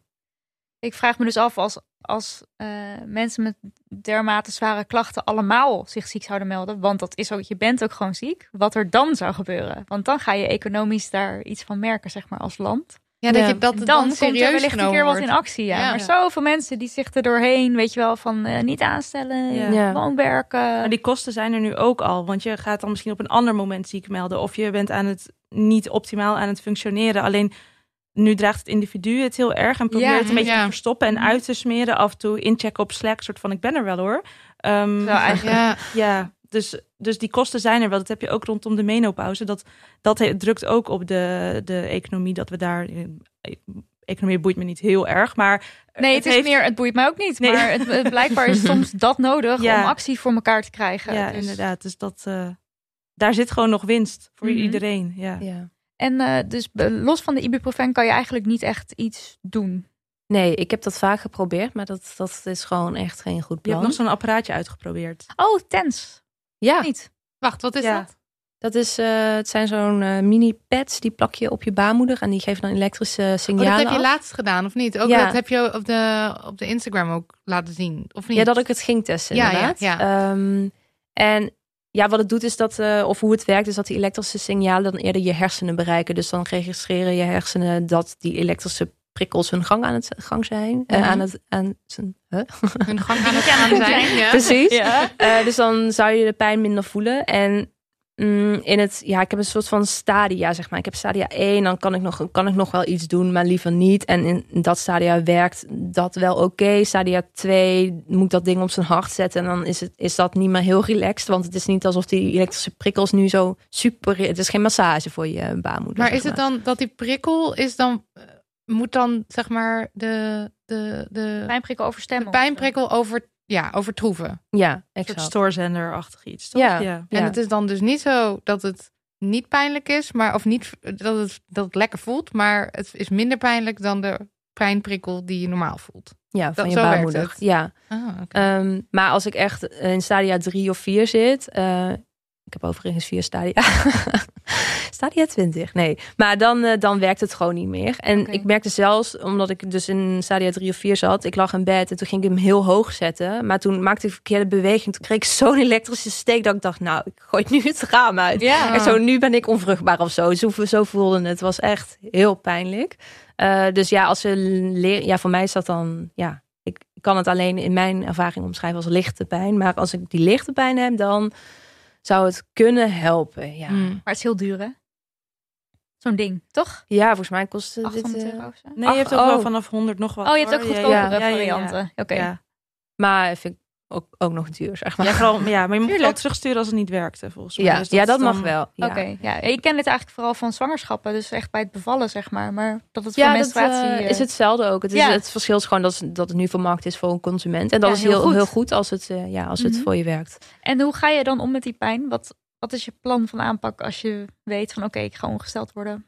Ehm, nou, nu, ja, nu is het nog een beetje een fictief sce- scenario, omdat Mhm. ik veel thuis had door co- corona. Maar nu zou ik dan, afhankelijk of ik voor menstruatiemeisjes of voor de Nationale Jeugdraad werk, zou ik zeggen, yo, ik ben ziek, punt. Mhm. Want menstruatiepijn en dan zou ik niks meer doen. Pijnstilling, want dat is ja gewoon het enige medicijn wat er, eh, wat hiervoor bestaat.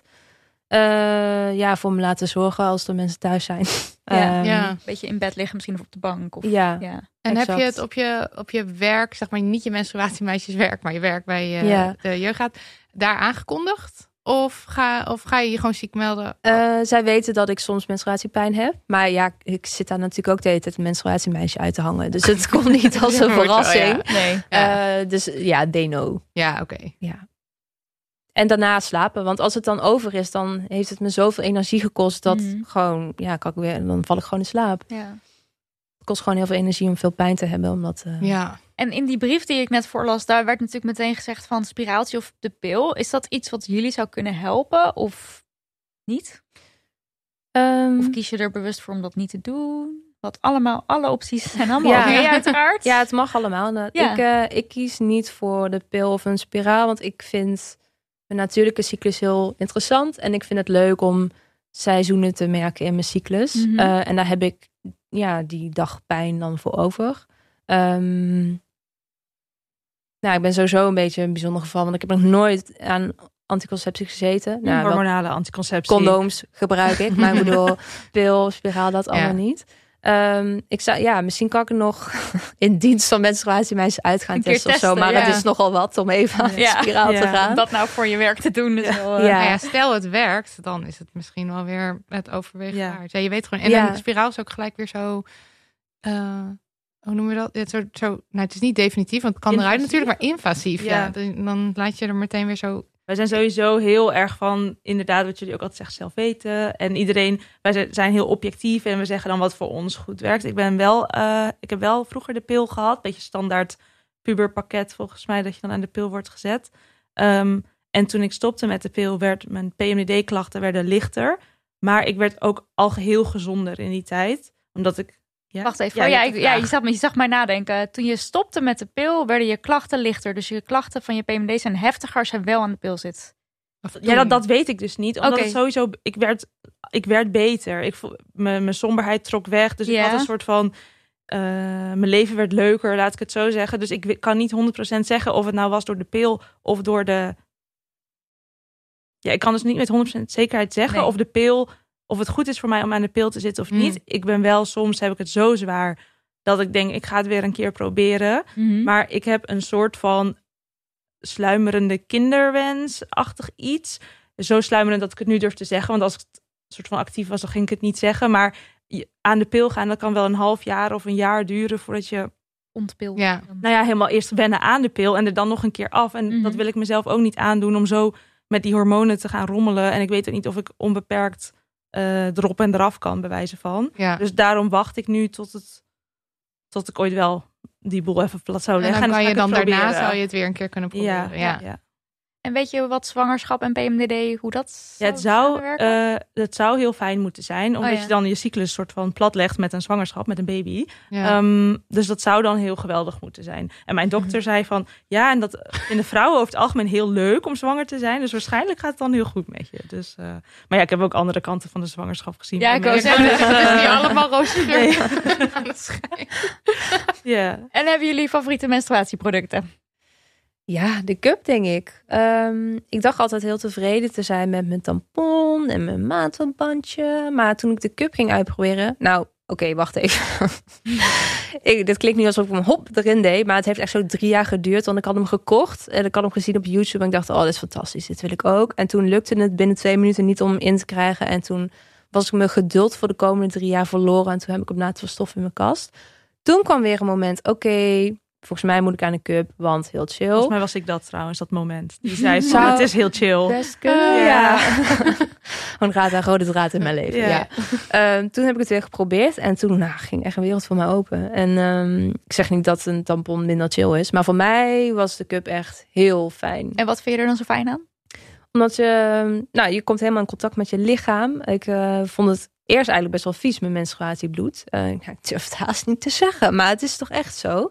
Maar sinds de cup denk ik, oh ja, het is mijn bloed. Ja. Eh, dus dat vind ik heel leuk om dan ja, daar zo mee bezig te zijn. En ik merk gewoon heel weinig dat ik aan het bloeden ben. Ik vind het gewoon veel minder gedoe. Ehm, dan gaat het zij een keer van, nou kijk er haast naar uit. Ja, zo voelt het voor mij ook. Dat ik denk, haha, dit, he, I Ja, got je- this. maar je hoeft you het ook maar twee keer per dag te doen. Als, als Ja. het een beetje mee zit allemaal. Ja. Ehm, dus dat scheelt gewoon heel erg. Niet dat gesleep, dat gesjouw. Eh, Want ik vind het juist wel weer gedoe als je dus wel de hele tijd moet... ver- moet Ja, ja, ja, dat ja, ja. voor mij dan in ieder geval. dan is het echt dat je denkt... oh, ik hoop maar dat hier een wc is met zo'n kraan. Ja, nou, dat kan ik wel. Ik wa- was dus, eh, ik zit nu op aan het einde van mijn menstruatie en ik ben dan bij mijn ouders thuis. En toen heb ik wel gemerkt, je hebt van die mensen die zeggen, ja, je kan het ook in het openbaar doen. Dan moet je een flesje water meenemen naar de wc. Ja, ik doe dat dus heel veel, Ja. maar ik moet wel. Ja, maar dat vond ik, vind ik toch. Ik heb dat nooit aangeraden, zo van het kan wel, maar ik vind dat ook wel veel gevraagd. Ja, dat, ja, en ik ga dus nu nu op vakantie en ik denk dat ik ongesteld word op de dag dat ik op vakantie ga. Eh, dus ik zit nu zelf, ik ben echt door Nidia ook helemaal fan van de cup. Maar, Nidia zit hier maar, hallo. Ehm, maar ik denk dus dat ik misschien wel even overstap één keer op tampons, omdat het gewoon echt gedoe is. Makkelijker, Ja. ja. Ja. Ja, Ik heb laatst nog, ik heb laatst nog op kantoor bij die openbare wasbakken mijn cup staan omspoelen. Oh, echt? Ja, want ik, al, ik was mijn cup vergeten te doen in de ochtend. Toen dacht ik, oh kut. Toen heb ik hem wel leeggegooid in de wc. Toen dacht ik, ja, fuck it. Ja, ik moet hem toch, ik ga hem terecht omspoelen. Ik ga hem niet zo weer terug doen. Dat Nou ja, is gewoon een heel dus- onprettig idee. Ja. is water. En ik zit dus met een flesje water, maar dat is echt gedoe. En ik heb hem één keertje ook echt bijna in de wc laten vallen. Want het is ja. zo glimmerig. En, en het, we, we, onze, de plek waar wij werken is ook gewoon een hele rustige plek. Dus de kans Kan wel. dat er iemand binnenloopt is klein. En plus, als er iemand binnenkomt, er valt ook niet zoveel te zien of zo. Nee. Nee. Je ziet het denk ik niet eens, want je gaat ook niet kijken van, oh, wat staat die te doen? Iemand die binnenkomt, die gaat rechtstreeks het wc-hokje in. Dus Ja. nou, ik doe het wel gewoon even hier. Ja, Ja. waarom ook niet? Groot Nou, ik gedaan. ben helemaal trots op je hoor. Dankjewel. Dat, dat is waarom ik dit verhaal even vertelde. Nee, maar als je met, want je gaat natuurlijk met de trein op vakantie, lang. Ja, En dan, dan, snap ik heel goed Oh, dat ja. het gedoe is om... dan eh, wil ik dat gewoon echt, want ik wil zo min mogelijk op die wc zitten daar. Dat Ja. weet ik nu al. Dus gewoon eruit, erin en dan niet meer aan denken. Oh, En zijn er nog leuke innovaties Ja. die we moeten kennen? Zoals de menstruatiehandschoen, waarbij je compleet hygiënisch je Leuk, tampon kan leuk. verwisselen. Pinky gloves, ja. Ja, Eh, dat Of was- iets wat je getest hebt of zo misschien eh, ehm, dankzij de Ja, er zijn dus eh, ehm, weinig nieuwe innovaties in de categorie leuk. Omdat heel veel innovaties innoveren op basis van schaamte. En dat willen, willen we gewoon niet meer zien. Dus die pinky gloves die jij noemde, dat was Mhm. dan een roze handschoen... waarmee je tampon, waar je je tampon in kon doen... en dan zo je, ja, die handschoen van je hand kon trekken... zodat die tampon in die handschoen zat. Zodat, want ja, zou je tampon maar aanraken.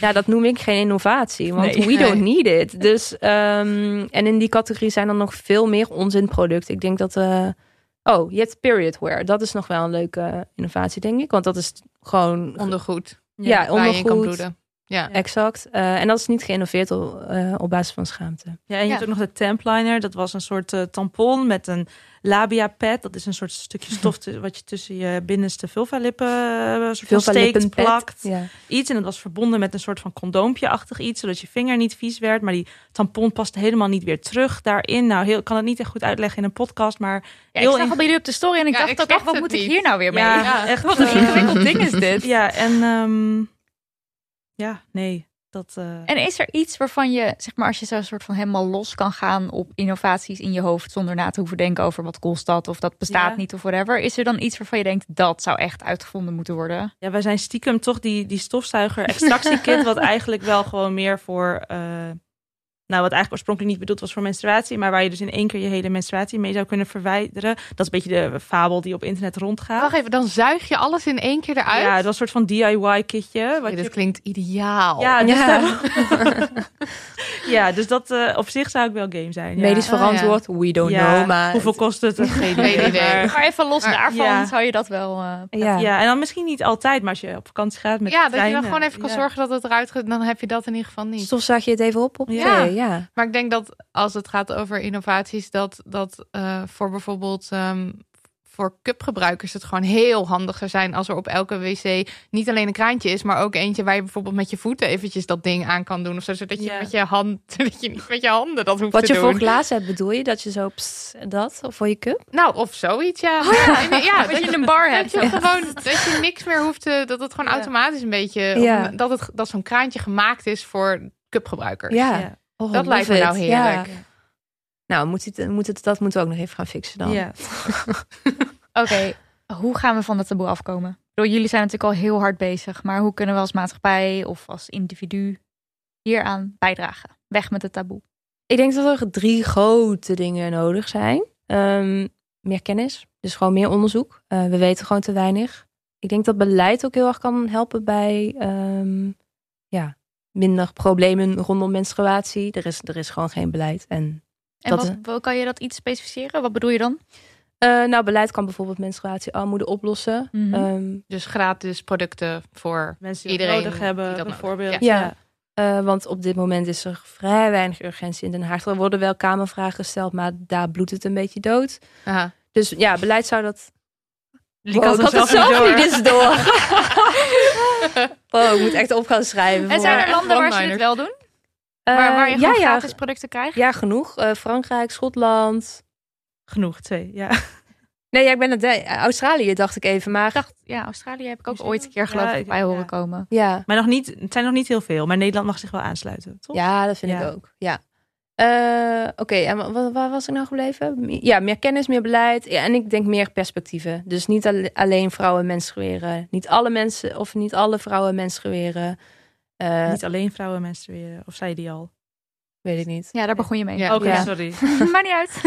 Een cyclus is niet altijd 28 dagen. Het is gewoon heel divers. En menstruatie wordt gewoon heel vaak teruggebracht naar iets heel simpels. Terwijl, ja, dat, En ik denk dat je heel praktisch, dat, dat begint vooral bij jezelf en begin klein. Dus durf je ziek te melden, durf jezelf ziek te noemen. eh, track je cyclus. Wat hangt er samen? Ik krijg bijvoorbeeld koude voeten en pijnlijke gewrichten en slapeloze nachten. Dat hing samen met mijn cyclus, weet ik ook pas sinds een maand Mm. of zo. Mhm. Het, het hangt, er hangt zoveel meer samen dan je denkt. En neem ook die ruimte, maak het ongemakkelijk.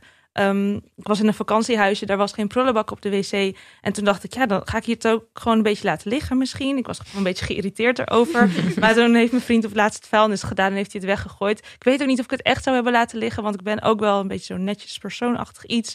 Maar gewoon maak er een beetje een probleem van. Ja, Ja. Ja, hè? Ja. Gewoon die ruimte moet je Ja. pakken. tel het aan de kaak. Ja. En dus zelf zo'n menstruatievriendelijk toilet te maken. ja.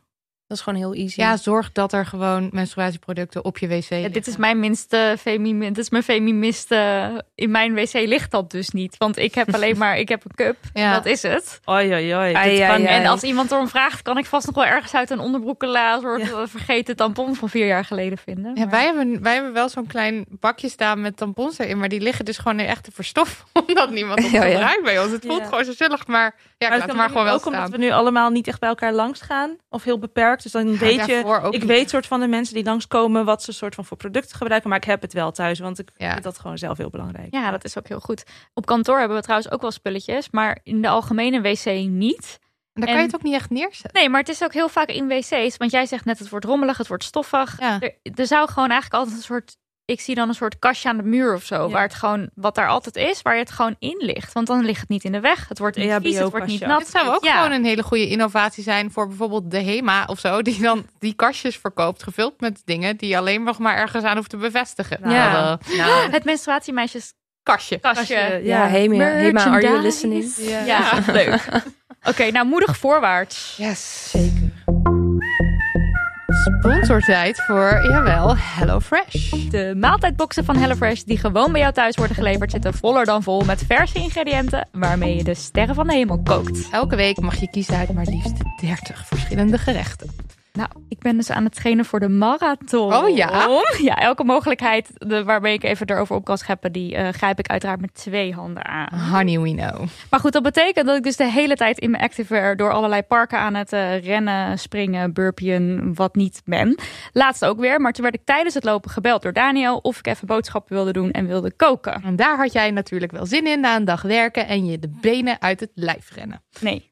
Daar had ik dus helemaal geen zin in. Wie en ik had die? ook nog eens heel erg honger tijdens hardlopen. Ik kon alleen maar aan chips denken. Dus het idee dat ik dan ook nog moest koken en dingen dat ik ook nog boodschap moest doen, dat was een soort van dat ging gewoon niet lukken. Maar ik had niet geheel toevalligerwijs een doos met HelloFresh maaltijden in mijn koelkast. Dus één, ik hoefde niet naar de supermarkt. En twee, zelfs met vermoeide trillende handjes en in mijn zweetklof kon ik dat gewoon even zo chop chop chop op tafel zetten.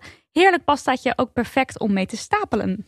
Wil jij ook trainen voor de marathon en on the site een stralende keukenmeid zijn? Ga naar hellofresh.nl. Als nieuwe klant krijg je met de code HelloDamnHoney, en dat schrijf je aan elkaar, in totaal 45 euro korting over je eerste drie maaltijdboxen. HelloFresh.nl Cause we're hot like hell. Oh, fresh.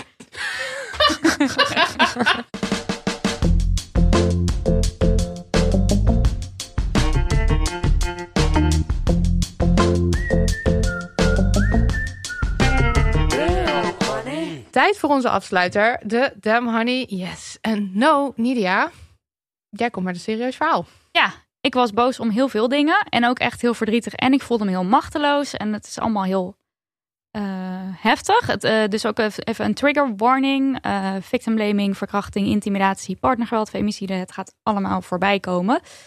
En dat in één week. Want het begon allemaal met dat ik een artikel las dat een 18-jarige vrouw aangifte had gedaan van verkrachting. En dat ze te horen kreeg bij de politie dat haar rokje wel erg kort was. Dat is zo'n soort cliché victim blaming. Dat als je dat leest, dat je in eerste instantie denkt: nee, dit is, dat, Ja, je denkt bijna kan niet waar zijn. Dat denk je niet, want je weet hoe de wereld precies, is, zeg dat maar. is het. En dat durf ik dan ook al niet meer te zeggen, want ik weet hoe de wereld is. Maar het, ja, Echt afschuwelijk. Ja. En de politie die kampt ook met enorme tekorten. Die hebben helemaal geen, niet de, de, de ik wou zeggen mankracht, de menskra- menskracht om dit op te lossen. Er wordt gewoon veel te veel, veel te weinig aandacht aan besteed. Maar goed. Toen het tweede ding. Ik kreeg een filmpje doorgestuurd. eh, of wij als DM Honey, het platform van eh, Julia. Die liep s'avonds over straat. En er was dus een man in een auto. En dat heeft zij gefilmd. Die zo heel intimiderend achter haar, bleef, achter haar bleef rijden. En allemaal dingen tegen haar zei. Van, weet ik veel, kom in mijn auto. Je bent een leuke meid. En eh, ook niet voor geld, zoiets. Ja, geloofde. Hij was echt Heel- aan het echt aandringen op contact. Ja, dus dat vond ik ook al heel verschrikkelijk. En toen was er nog een soort van iets wat het eigenlijk allemaal nog over stemde of zo. Nou, niet dat het een erg is dan, nou, dit is gewoon heel walgelijk. Ehm, ik las over de 34-jarige Clarinda. Die is vermoord op gruwelijke wijze. Midden op straat, in het bijzijn van haar eenjarige dochter. En dat is een moord die dus onder femicide valt. En femicide, dat is moord op vrouwen omdat zij vrouw zijn, basically. En bijna 60% van de vrouwen die door geweld om het leven komt, die wordt dus vermoord hier in Nederland door een ex of de partner. Dat is echt een onwijs hoog getal. Dus femicide in Nederland, dat is gewoon echt een onwijs probleem. En zeg maar, als je zo los zo'n zaak leest, dan raakt het me heel erg. Tegelijkertijd denk ik, waarom heb ik al die andere vrouwen dan eigenlijk niet voorbij zien komen? Want deze heb ik dan toevallig gelezen, maar het gebeurt één keer in de tien dagen. Dus sinds Clarinda vermoord is, zeg Ja. maar, als wij verschijnen, zijn er er, waarschijnlijk alweer- alweer, is er sowieso één slachtoffer en komt er nog eentje Ja. bij. En het, maar ook, ook over Clarinda, daar was een, een bericht over, maar het is ook niet dat de kranten daar vol van stonden. Nee, zo. nee, dat is zo. En het bizarre, of het walgelen ook er, eraan is dat als de krant erover schrijft, schrijven ze dus heel erg vanuit die dader. Dus er waren nu ook weer eh, koppen. Ik las een kop bij het AD en dat was dan... Jeffrey 31 wilde doorbreken als gospelzanger, maar toen stak hij Clarinda dood. Wat is er misgegaan? Het, het, gaat gewoon heel erg over wie was hij? Wat waren zijn dromen? Eh, oh mijn god, hij was zo'n ehm, fantastisch lieve man. Daar wordt heel erg op ingezoomd. En niet op het slachtoffer, maar ook niet op het grotere plaatje van femicide is een probleem in Nederland. En in dat eh, AD-stuk was er dus ook een buurtbewoonster. En die zei: Ja, haar moeder zei in de Telegraaf dat ze werd geslagen. Maar dan nog is dit iets wat ik nooit van hem verwacht wa- had. Het is een aardige gast. Een beetje zelf ingenomen soms, maar altijd vriendelijk en vrolijk. Kennelijk heeft hij twee gezichten. Nou, dit, dus Ja. dat, dat, dat partnergeweld, dat dat genoemd wordt, dat slaan, maar dan dat zinnetje van maar, dit had ik niet verwacht, dat legt dus denk ik een heel groot deel van het probleem bloot. Want bij femicide is er heel vaak sprake van structurele mishandeling, intimidatie, seksueel geweld, bedreiging, noem het maar op. Dus het is helemaal niet, maar dit had ik niet verwacht. Dit kan je juist verwachten. En dit kan je 40 keer per jaar verwachten. Maar als we met z'n allen blijven doen, alsof dat dus niet iets is wat je kan verwachten als een man een vrouw slaat, dan wordt het ook wel heel erg lastig om dat Ja, om dat Om het probleem proble- bloot te leggen. ja, je moet het serieus nemen. En Ja. ja. nou, ik vind het ook onvoorstelbaar dat je kan zeggen... ja, die moeder die zei wel dat ze, dat, dat ze geslagen werd. Maar er is nooit een maar als het gaat over het slaan van Dit is mensen. juist dat slaan duidt er echt op dat er een probleem is. Ja, precies. Ja, dat ja. zou je juist alarmbellen moeten doen. Ja. En ehm, ik had ook nog even een klein stukje duiding. Dat komt van Adriana van Dooyen weer. Dat las ik op eh, Linda, die heeft haar geïnterviewd. En zij is voorzitter van het College van de Rechten van de Mens. En zij heeft het volgende wat ze zegt over femicide. Mannen die femicide plegen kunnen over het algemeen niet omgaan met de emancipatie. Het komt vaak door diep gewortelde tradities bij een man. Ze vinden het lastig dat een vrouw meer verdient, op haar strepen staat en een relatie kan verbreken. Terwijl zo'n man vindt dat een vrouw moet doen wat hij zegt en voor hem moet zorgen. Als dat niet gebeurt en de relatie gaat zelfs uit, dan is de gedachte: ik kan niet zonder haar leven, dus dan moet ze maar niet meer leven. Eh, ja, wat ik gewoon even gewoon een stukje duiding vond van waar komt, ja, waar, waar komt, hoe, kom, hoe kan zoiets, zo'n femicide? En ik denk daar moeten we het bij, ja, dat is natuurlijk een heel groot probleem, maar daar moet het wel aangepakt worden al. Bij dit soort denkbeelden over rolpatronen en wie voor wie Ja, en dan een, daar een vrouw staat niet in dienst van de man. Maar daar zou dan weer denken. aandacht voor moeten zijn en vragen over gesteld worden. En hoe ga je dat dan oplossen in de politiek ook? En Ja, ja, want dat als je het hebt over beleid maken, dan is dit ook iets waar je beleid op kunt maken. Precies, en dan lees je dus zo'n verhaal van Clarinda. En nou, wij zijn daar dan even een hele dag door van een soort van weggeslagen, boos, verdrietig, machteloos, noem maar op. En de volgende dag, het leven gaat gewoon door. Zeg maar, het is niet dat er dan in de krant nog steeds staat van, joehoe, aandacht. Of dat er kamervragen gesteld worden of iets, weet je wel. Nee, ja, en, maar, want het voelde ook gewoon raar, omdat wij ook weer posts aan het maken waren over andere dingen. En dan, Ja, wij gaan Hebben- door, het leven gaat door. Hebben jullie dan ook dat het soms voelt alsof je dat online als activist allemaal moet dragen? Dat jij er dan mee blijft zitten en dat het in de krant al morgen weer weg is. En dat je denkt, waarom is er nog niks gedaan? Moet ik er nog een keer wat over zeggen? ja, zo, Ja, of en- we moeten iets doen. Maar Ja. wat gaan we dan doen, weet iets je wel? organiseren. waar Wij, zijn, we moeten nu zorgen dat dit niet van de agenda verdwijnt. Hoe kan je zorgen dat er aandacht voor komt? En eh, nou ja, nee, het is gewoon. Want je hebt eigenlijk een beetje nodig wat met MeToo is gebeurd. Moet je dan nu eigenlijk met femicide dan Ja. nog een keer Ja, voor elkaar krijgen? Maar ik heb- ja, hoe? het is. Ja, want je wordt kan gewoon- zeggen, je, als je zegt, er worden elke, elke tien dagen wordt er een vrouw vermoord omdat zij vrouw is. Dat is blijkbaar niet zin, genoeg. Nee, die zin vind ik al, die, die, dringt, die gaat al zo tot het diepst van mijn ziel. En hoe kan dat nou niet bij andere mensen hetzelfde losmaken? Dat snap ik gewoon niet. Ja. En dan dus ook nog die, da- die aandacht voor die dader en voor zijn dromen en doelen en weet ik veel wat. Ik word er gewoon Heel misselijk boos. van. Ja. Ja. en boos van. Maar ik wil even afsluiten over Ca- Clarinda zelf. Want eh, Lotte Rensen, dat is een vriendin van Clarinda. En Lotte die is de oprichter van het platform Ambitieuze Meisjes. En in 2016 heeft zij Clarinda geïnterviewd over haar studies, over haar werkervaring en over haar ambities. En ehm, dat interview hebben ze opnieuw eigenlijk eh, gepubliceerd als een soort van, weet je wel, dit is wie Clarinda was. En Lotte die beschrijft ook dat zij ambitieus, bevlogen, slim, grappig en zorgzaam was. En eh Clarinda die was tijdens het interview 29 jaar, werkte als gezinsmanager bij jeugdbescherming. En deze no wil ik dus eigenlijk afsluiten met een soort van kort eerbetoon aan haar met wat informatie die ik geleerd heb uit het interview. Nou, zo lees je bijvoorbeeld dat ze al van heel jongs af aan maatschappelijk betrokken was.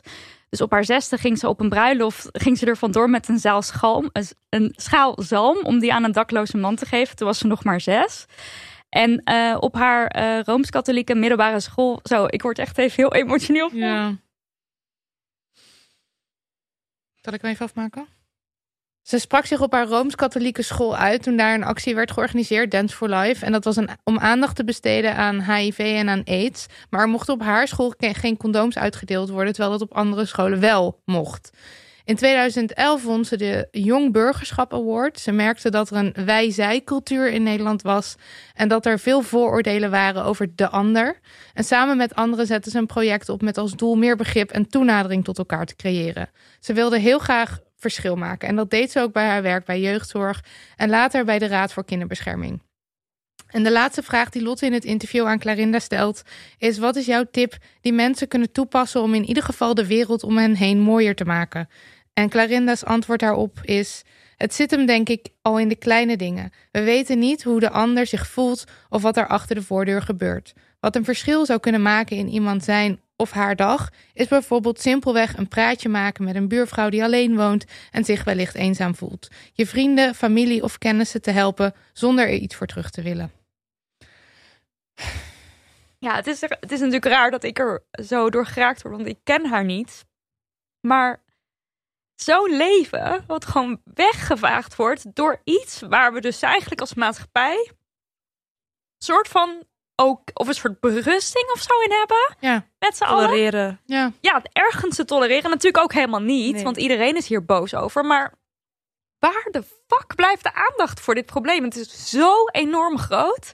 En zo'n vrouw die gewoon weggevaagd wordt door, nou ja, Ja, en als je dan zoiets voorleest, dan wordt het ook heel echt. En Ja. mensen, want in de krant heb je een naam en een leeftijd. En dan is dat soort van... precies. En En, dan daar is dat staat, dat. in de krant staat niet dat zij dit Nee. was. En in de dat krant staat Jeffrey was dit. wilde dat gospelzanger gewoon worden. Ja, echt. fuck hem. Dit, ja, fuck hem. Hij heeft haar vermoord en we gaan het nu over Clarinda hebben. Ja, en dit zijn de verhalen die erachter schuil gaan. En dit is wat de media ook zou moeten brengen. Ja. Nou ja, goed. ja. Eh, Zal ik even afsluiten Ja. met dankjewel voor het oppakken. kort en nou enigszins vrolijks. Tenminste, ik wil gewoon graag even een tip geven, omdat eh, een mens soms tips geeft. Ehm, in het museum Katerijnen Convent in Utrecht is vanaf nu tot en met 9 januari 2022 een tentoonstelling. En die tentoonstelling draait helemaal om Maria Magdalena. En ik weet niet hoe, als je katholiek bent, hoe je dan kijkt Yes, naar... me. Ja, katholiek bent. hoe je dan kijkt naar Maria Magdalena. Maar het enige wat ik weet was, of waar, hoe ik met haar ben opgegroeid is, zij was zondig. Eh, ik denk sekswerker. Eh, Ja, ze was zij- sekswerker, maar ze werd door Jezus dan toch een soort van bevrijd. omarmd. Ja, en zij, maar niet bevrijd. Nee, wel, want zij had demonen in zich. Dus zij werd. dit dat- heb ik dit als katholiek ik. persoon niet geleerd. Nou, maar Ik heb geleerd, hij heeft demonen uit haar gedingest. En toen ging ze, ze haar met haar haren zijn voeten wassen. Dat is zeg maar het beeld wat ik heb. heeft iemand anders hier nog een... eh, Ik durf hier niks aan toe te Ik heb ook geen aanvullingen, Maar sorry. om maar eventjes aan te geven, want kijk, jij hebt dat beeld niet. Of ander beeld misschien. Nee, ik heb het meer in de zin van Jezus was er voor iedereen. En het maakt dus eigenlijk niet uit wat je geschiedenis was. Dus sekswerker werd dan wel dus heel erg gezien als iets zondigs. Want Ja. zij mocht dan toch aansluiten. Wat, wat vriendelijk en fijn van Jezus. Zeg maar, dat is het ja, verhaal wat ik Nou, ken. Ik denk dat ik dus met een negatiever beeld nog ben opgegroeid van haar eh, dan jij. En, eh, en eh, in de afgelopen, weet ik, volgens mij is het 2000 jaar. Al 2000 jaar houdt zij de gemoederen bezig. Ze is op allerlei manieren afgebeeld. Van, van super zondig tot tegenwoordig heeft ze volgens mij meer een soort feministische air over zich heen. Ik geloof ook dat een aantal, ik weet eigenlijk niet wie, misschien Beyoncé of zo zich ook wel eens heeft verkleed of laten fotograferen als Maria Magdalena. Pin me er niet op vast. In ieder geval. Volgens mij. Ja, met, Ja, toch? met haar Ja. tweeling dacht ik. Ja, dat dacht ik ook. Oké. Dat is dan toch gewoon Maria? Of niet? Of is dat gewoon Maria? Dat denk ik, ja. Oh, niet Oh. Maria Magdalena dan. Nou, maakt niet uit. Niks dat mag er dan uit. Dit mag eruit. Ja. Eh, wacht, doe wel even zo. Oh, je wilt het er letterlijk uit? Of niet? Nou ja, dat kan wel. Maar ik weet niet waar je geëindigd bent met je zin. Nee, ik ook niet. Oké, we laten het erin. hey, nou mensen, hartstikke gezellig. Weten jullie ook weer hoe dat gaat? Oh, dit hoor ik trouwens ook altijd in de eeuw van de amateur. Dit knippen we eruit. Knippen het er nooit uit.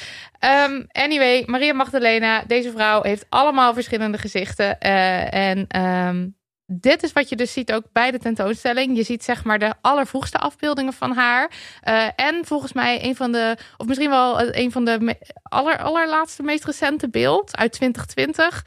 Eh, dat kan je daar dus allemaal bekijken. Dus ze wordt afgeschreven, wordt, wordt afgebeeld als een soort afgeschreven zondares. En ze wordt afgebeeld als een soort feminist.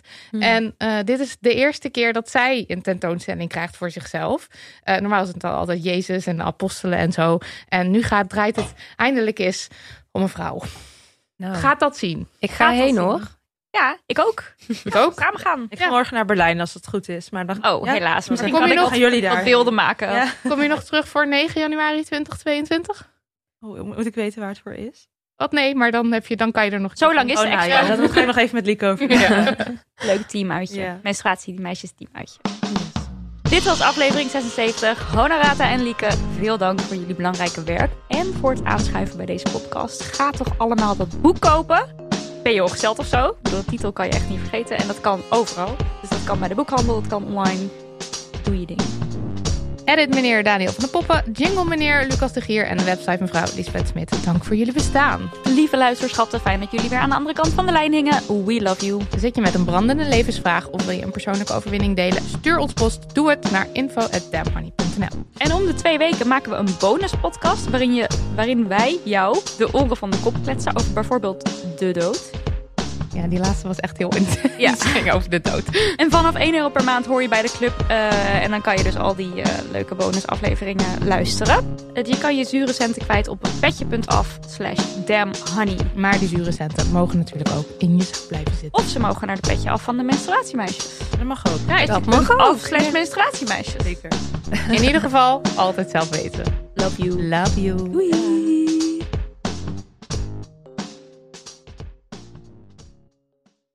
Kussens, bedden, matrassen, beddengoed. Emma Sleep heeft het allemaal. Ga naar emma-sleep.nl om van jouw slaapkamer een slaapparadijs te maken. Er is nu moederdag sale gaande met kortingen die oplopen tot wel 50%. Gebruik de code DAMHONEY voor nog eens 10% korting daarbovenop.